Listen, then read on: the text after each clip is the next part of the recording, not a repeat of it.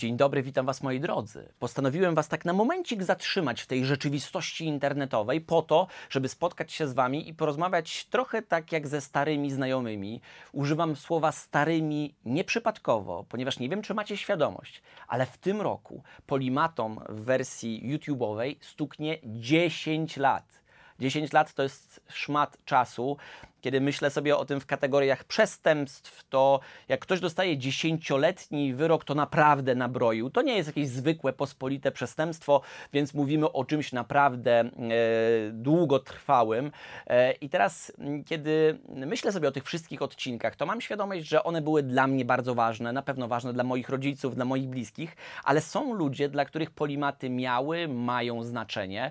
I m, dlatego pomyślałem, że tak zupełnie wprost usiądę z Wami i porozmawiam z Wami trochę na temat przyszłości tego formatu, na temat tego, co dzieje się z polimatami w ogóle, bo uczciwie trzeba przyznać, że tak się rzadziej troszeczkę ostatnio odcinki pojawiały na polimatach. I kiedy o tym mówię, to to jest taki bardzo duży eufemizm. To jest tak, jakby powiedzieć, że Hitler miał problem z niektórymi nacjami, dlatego zdecydował się na rozpętanie II wojny światowej. No więc w takich kategoriach to zostawmy, że, że polimatów w ostatnim czasie jest troszeczkę mniej, Natomiast ten odcinek, to spotkanie jest po to, żeby Wam powiedzieć, dlaczego tak się dzieje, ponieważ y, mam też świadomość, że dla wielu z Was te polimaty są ważne. Pamiętam dobrze, jak zmieniłem format na Polimaty 2, kiedy one były trochę bardziej w studiu, mniej wychodziłem na zewnątrz, y, to pamiętam takiego maila, że ktoś do mnie napisał, że zrujnowałem mu dzieciństwo, bo po, położyłem łapę na czymś, co towarzyszyło mu e, w okresie dorastania, te polimaty w wersji takiej wychodzącej. Mm, tutaj witam Was moi drodzy, nic bardziej mylnego towarzyszyło przez życie i miało znaczenie i, i mam tego świadomość, jestem z tego tytułu zaszczycony, dlatego tym bardziej pomyślałem, że, mm, że powinienem Wam powiedzieć o tym, co dzieje się w mojej głowie. Ja jestem tak trochę uzwojowany, dość specyficznie, że kiedy jest jakiś nowy projekt, albo nowa rzecz, która się dzieje w mojej rzeczywistości, albo taka, którą jestem w stanie modyfikować, dodawać jej jakiejś dodatkowej wartości, to budzę się rano cały w skowronkach. Do tego mam takie pozytywne drżenie serca, kiedy sobie myślę o tym, wow, to jest rzecz, którą robię i która, która, która ma znaczenie dla mnie, ma znaczenie także dla innych ludzi. I przez całe lata dokładnie tak było z polimatami. Mm, I to, kiedy myślę o tym w kategoriach 10 lat, to rzeczywiście tak, tak, tak się to działo. Tutaj się rzucałem na jakiś temat, dlaczego komary nas kują, i w jaki sposób działa zespół napięcia przedmiesiączkowego, czy obrazy Matejki kryją jakieś tajemnice, o których się nie mówi w toku zwykłej lekcji języka polskiego, czy wiedzy o kulturze w szkole. To były rzeczy, które mnie realnie pasjonowały i dzielenie się wiedzą na ten temat było czymś, co było dla mnie istotne. Przy okazji mogłem się rozwijać no nie wiem, poznać technikę montażu, tego w jaki sposób nagrywać w ogóle. No, cała masa rzeczy była dla mnie nowa i pod tym względem fascynująca. Ale w ostatnim czasie, myślę, że w ostatnich dwóch latach przynajmniej, polimaty były czymś już zupełnie innym, czymś sztampowym, czymś, co działo się w kategoriach jakiejś rutyny. Ja doskonale wiedziałem, co trzeba zrobić. Research na dany temat, nagrać w, tem, w terenie fragment, może część w studiu, podzielić to tak, scena nie dłuższa niż tyle, żenujący żart prowadzącego, nic bardziej mylnego, checked, zrobiony odcinek, idziemy dalej. I na pewnym etapie po prostu przestało mi to wystarczać. Szukałem czegoś nowego, ale nic nie było na tyle atrakcyjne, żeby raz e, na zawsze się za to złapać i, mm, i, i, i śmiało, świadomie zadecydować, że od tej pory przebranżawiam się na coś zupełnie innego. I bardzo często w moim życiu o fundamentalnych zmianach decydował przypadek. No, nie trzeba przykładu daleko szukać kiedy pisałem Włam się do mózgu i robiłem cały ten eksperyment z nauczeniem się losowo mm, wylosowanego języka obcego e, i pech chciał, że, że, że to był język szwedzki, najbardziej bezużyteczny język świata, bo wszyscy tam mówią po angielsku i po co się w ogóle uczyć tego języka? I okazało się, że wylosowanie tego, a nie innego języka niż hiszpańskiego, portugalskiego mm, było czymś, co, co spowodowało dość sporo szumu wokół tej książki i spowodowało, że, że za chwileczkę mm, pewnie pęknie magiczna granica granica 200 tysięcy sprzedanych egzemplarzy. No, przypadek o tym zadecydował, bo pewnie gdybym wylosował język hiszpański czy portugalski, to, to ta informacja nie byłaby aż, taka, ta, nie byłaby aż tak nośna, żeby, żeby mm, powodowała właśnie u kogoś zaciekawienie. I w ostatnim czasie mam wrażenie, że taki podobny przypadek zdarzył się w moim życiu.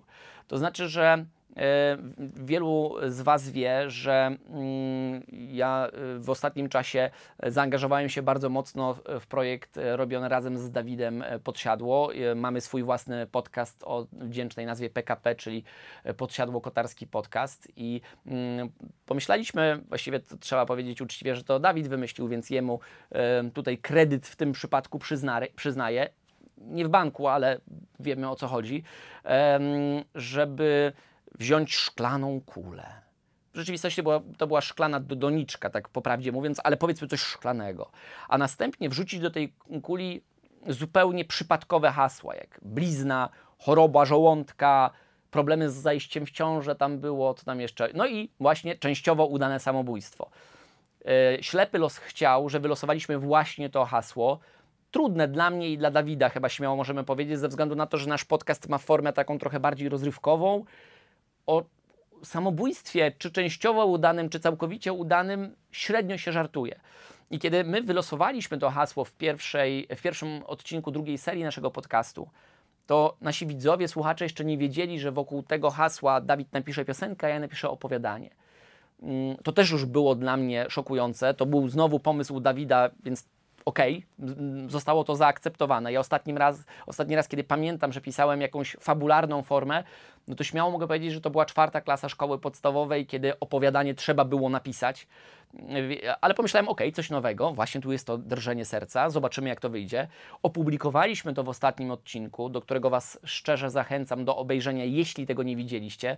Tak samo tego opowiadania brawurowo przeczytanego przez Mariusza Bonaszewskiego z fenomenalną muzyką Wojtka Frycza możecie posłuchać w ramach audioteki. I dla wielu osób to było coś, co miało określoną wartość. Niektórym się to spodobało, innym mniej. Natomiast to, co było dla mnie najistotniejsze, to jest to, że ja właśnie poczułem to drżenie serca. To jest ten moment, kiedy ja czuję tak, tak wyczuwam pismo nosem i wiem, że, że to jest rzecz, za którą warto byłoby podążyć, bo to jest to właśnie nowe wyzwanie.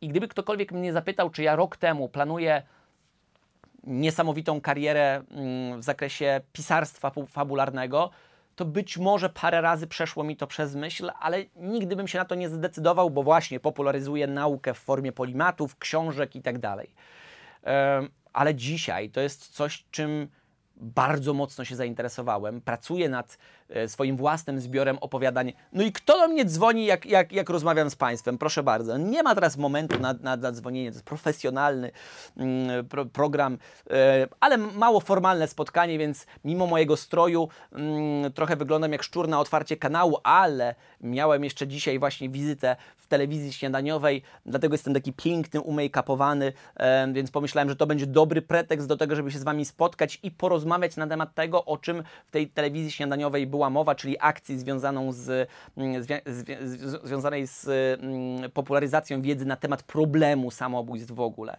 Natomiast właśnie to dotknięcie takiego ludzkiego problemu, czysto fabularnego, e, spowodowało, że podjąłem decyzję, o której chciałbym Wam wprost powiedzieć e, i, i sam się do niej trochę przyznać, że polimaty zniknęły z radaru moich zainteresowań. Ja nie, nie, nie wieszczę wielkiego pogrzebu tego formatu, nie nazywam tego odcinka mm, clickbaitowo w postaci koniec polimatów, już definitywny, to nie jest żart i tak dalej. Nie wiem, czy tak jest. Być może kiedyś w kontekście tego formatu, jakim są polimaty, znowu poczuję to drżenie serca. Na tym etapie go nie odczuwam, więc chcę iść za czymś, co takie emocje u mnie wywołuje. I podjąłem decyzję, że, że to będzie działka, um, którą będę um, chciał w najbliższym czasie spróbować zagospodarować. Tego, żeby sprawdzić się, jak ja się odnajdę w czymś takim, jakim jest forma literacka, jakim, jaką, jaką jest zbiór um, opowiadań. Czy mi to wyjdzie? Nie wiem. Natomiast sam proces jest dla mnie niezwykle ciekawy, otwiera mnie na wiele różnych rzeczy i to, o co chciałbym Was prosić w tym nagraniu, to jest wsparcie. Po prostu tego, żeby, to, to, żebyście trzymali trochę za mnie kciuki. To jest sprawa, która ma dla mnie naprawdę bardzo duże znaczenie. Mm, I ja nie znikam z mediów. Dalej w Na jesień tego roku wrócimy z trzecią serią naszego podcastu z Dawidem. Mm, Dalej jestem obecny w ramach e, chociażby nawet grupy na Facebooku, którą mm, dzisiaj już tak trochę formalnie otwieramy. Grupę o wdzięcznym, wdzięcznej nazwie Książki ryją mi beret. W ostatnim czasie em, starałem się zaangażować w takie akcje popularyzatorskie, ale nie w kontekście nauki, ale w kontekście popularyzowania czytania książek, bo uważam, że to jest naprawdę coś bardzo ważnego. Wiele mówiłem w podcaście, nawet e, polimatami, mm, rykoszetem obiłem, o, mówiłem o, o, o, tej koncepcji czytania przez 26 minut dziennie. Coraz większą liczbę osób jestem w stanie mm, tą ideą zarazić i temu właśnie służy ta grupa na Facebooku, mm, do której serdecznie zapraszam. Link oczywiście w, w opisie. I tam sobie po prostu rozmawiamy o książkach, najzwyczajniej w świecie. Książki pokochałem na tyle szeroko ostatnio, że nawet trochę zmieniła się koncepcja mojej działalności takiej czysto biznesowej. Do tej pory wydawałem książki i sprzedawaliśmy wyłącznie książki wydawane przez nas. Dzisiaj stworzyliśmy alt.pl, miejsce, gdzie ja jako księgarz razem z moimi koleżankami i kolegami polecamy nie całą ofertę, która dookoła nas jest, tylko naprawdę wyselekcjonowane książki. Mamy ich dość mało i mówimy wprost wtedy: OK, ja Marcin, ja Ania e, polecam tę książkę dlatego, że jeśli chcesz zainwestować swój czas e, w czytanie, to zróbmy tak, żeby to był wartościowo zainwestowany czas. Staramy się wybierać perełki z rynku e, i, i, i- wrócić do takich czasów, w których rzeczywiście ta rada księgarza, którego mogliśmy spotkać osobiście, miała dla nas dość duże znaczenie. Ja dzisiaj wiem, że książki konkurują z czymś takim jak nie y, inne książki, tylko z Netflixem, z telewizją, e, z wieloma różnymi rozpraszaczami w postaci social mediów, natomiast dalej gdzieś tam XIX-wiecznie i trochę naiwnie wierzę w to, że one mają znaczenie. Więc to są pola, na których mnie znajdziecie. Cały czas mnie znajdziecie na Instagramie, jakoś tak paradoksalnie ostatnio wybrałem tę formę komunikacji nieco mocniej. E, I wspominam o tym dlatego, że ja nie znikam z życia. E, Na pewno nie znikam z internetu, mm, dlatego zazwyczaj się to trochę dziwię, kiedy na przykład po jakimś dłuższym czasie publikowałem jakiś odcinek Polimatów albo jakiś jeszcze e, inną formę działalności i ktoś mówi, e, pisze w komentarzu: O, to ty żyjesz? Hmm. Wydaje mi się, że w momencie, w którym nad czym się pracuje i nawet nie widać tego jakoś bardzo mocno w przestrzeni e, publicznej, to jeszcze nie jest e, powód do tego, żeby, żeby pisać taki komentarz. Ja myślę, że możemy się wszyscy umówić tak, że kiedy ja nie będę żył, to jest bardzo duże prawdopodobieństwo, że się dowiecie o tym z wiadomości, z jakiegoś serwisu informacyjnego, więc na tym etapie możemy bezpiecznie założyć, że żyję, mam się całkiem nieźle i zajmuję się rzeczami, które właśnie to drżenie serca u mnie powodują, jak podcast z Dawidem, jak popularyzowanie czytania książek, czy pisanie książek własnych, takich, które ja czuję i na które mam ochotę. Czyli w tym przypadku książek fabularnych. I jedyne, co chciałbym dzisiaj z Wami zrobić, to jest to, żeby właśnie postawić tę sprawę wprost, bez owijania w bawełnę. Mam nadzieję, że tak to trochę odbieracie, ale z drugiej strony chciałbym Was prosić o wsparcie, o to, żebyście trzymali za mnie kciuki, bo to Wasze wsparcie właśnie jest o wiele ważniejsze niż może Wam się wydawać.